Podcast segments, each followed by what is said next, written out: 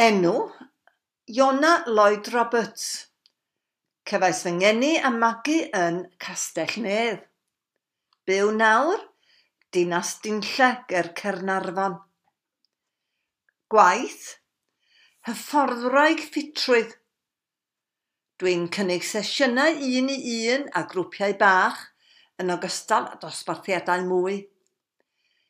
Ers y cyfnod clo cyntaf, Mae llawer o'r rhain bellach yn cael eu dysgu trwy Zoom, sy'n boblogaidd iawn. Dwi hefyd yn therapydd clinigol cymwysedig ac yn trin cleifion i'w hadfer yn dilyn anafiadau, cyflyrau corfforol neu ddamweiniau.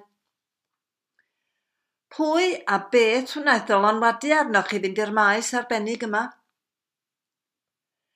Dwi'n hollol angerddol am iechyd a ffitrwydd ac mae ymarfer corff wedi bod yn rhan ganolog o fy mywyd ers pan o'n i'n bedair oed. Dwi wedi cystadlu ar ran Cymru mewn gymnasteg, dawns ac aerobics ac wedi dysgu nifer o sgwadiau cenedlaethol. Felly roedd o'n drywydd hollol naturiol i mi ei ddilyn. Roedd dad yn ffisiotherapedd a mam yn brif nyrs a does na ddim os nag oni bai fod hynny wedi dylanwadu arnau o ran fy nynyddoldeb mewn anatomi'r corff a therapi clinigol.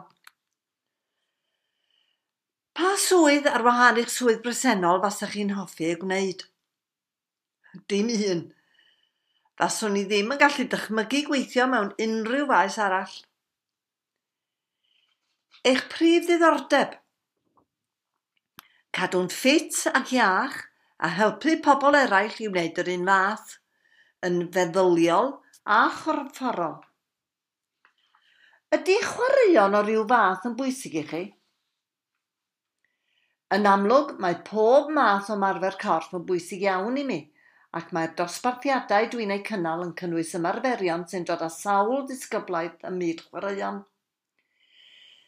Er nad ydw i'n cael lot o gyfle i gymryd rhan, Dwi'n mwynhau y gwylio unrhyw fath o chwaraeon ac yn cael fy ysbrydoli gan ymroddiad a chyflawniad athletwyr. Sut fyddwch yn ymlacio? Mae gen i dri cheffil a dwi'n mwynhau marchogaeth pan mae gen i rhywfaint o amser sbar. Dwi hefyd wrth fy modd yn potran yn yr ardd neu'n gwylio ffilm o flaen y tân. credu mewn bwyta'n iach neu ddeiat arbennig i gadw'r pwysau dan reolaeth. Mae bwyta'n iach a chytbwys yn mynd law yn llaw efo cadw'r corff a'r meddwl yn ffit ac yn iach, ac mae'n rhywbeth sy'n agos iawn at fy nghalon. Mae'r syniad o fod ar ddeiat yn aml iawn yn gamarweiniol. Y peth pwysig ydy deall pa fwydy sy'n rhoi'r maeth a'r math iawn o egni i ni a phryd i'w bwyta. Dwi'n credu bod angen deiad sy'n gyson ac efo cydbwysedd ac amrywiaeth o fwydydd meithlon. Dydy hynny ddim yn unig er mwyn cadw pwysau dan reolaeth. Mae bwyta'r bwydydd cywir yn hanfodol am mwyn cael y canlyniadau gorau o marfer corff, ac mae hefyd yn helpu gadw'r meddwl yn iach – a gwrth sefyll a fiechydon. Does na ddim drwg mewn cael ambell i drit bob hyn a hyn. Cyn belled bod rhywun yn dilyn arferion da y rhan fwyaf o'r amser. Mae addysgu cleientiaid am fwyta'n iach yn elfen bwysig iawn o'r cyngor a hyfforddiant dwi'n ei gynnig. Beth neu pa un ydych hoff bryd a pham? Dwi'n mwynhau pob math o fwydydd. Mae'n dibynnu ar fy chwant ar y pryd. Dwi'n meddwl fod y mwynhad o fwyd yn dod o gael amrywiaeth o brydau a blasau yn aml. Ffrwythau neu rhywbeth melus i bwdin? Dim un. Caws. pa ddiod ydy'r orau gyda'r pryd? Anamal iawn fydda i'n yfed alcohol, ond dwi'n mwynhau glasiad neu ddau o champagne ar achlysuron arbennig. Ffefryn arall achlysurol ydy'r cocktail snowball. A byddwch chi'n darllen neu wylio teledu yn eich amser sbar? Byddaf, ond prin iawn ydy fy amser sbar. Pa lyfr, neu rhaglen deledu, neu radio rydych wedi ei fwynhau, neu sydd wedi creu argraff arnoch yn ddiweddar? Yna sawl llyfr ar rhaglen deledu. Dwi'n arbennig o hoff o raglenni dogfen a llyfrau sy'n sôn am fywydau go iawn – Mae gen i ddiddordeb mawr mewn pobl a sut rydyn ni'n ymateb i fywyd mewn gwahanol amgylchiadau. Hoff raglen teledu. Mae Vicar of Dibli yn un o fy hoff gyfresu erioed. Ydy gwyliau'n bwysig i chi? Dwi'n lwcus iawn mod i mwynhau fy ngwaith gymaint felly dydy cael gwyliau ddim mor hanfodol i mi ag ydi o i rai.